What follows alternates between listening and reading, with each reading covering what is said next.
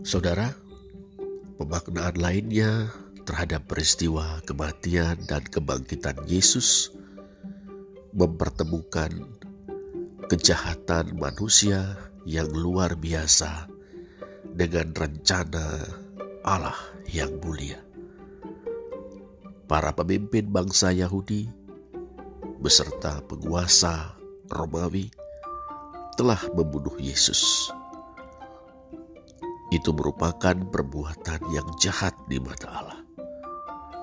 Tetapi melalui kejahatan manusia yang luar biasa itu, Allah menggenapi firman-Nya, yakni bahwa Sang Mesias harus menderita. Yesus Sang Mesias masuk ke dalam kemuliaannya melalui penderitaan yang disebabkan oleh kejahatan manusia. Hal ini menggarisbawahi kedaulatan Allah atas kejahatan manusia.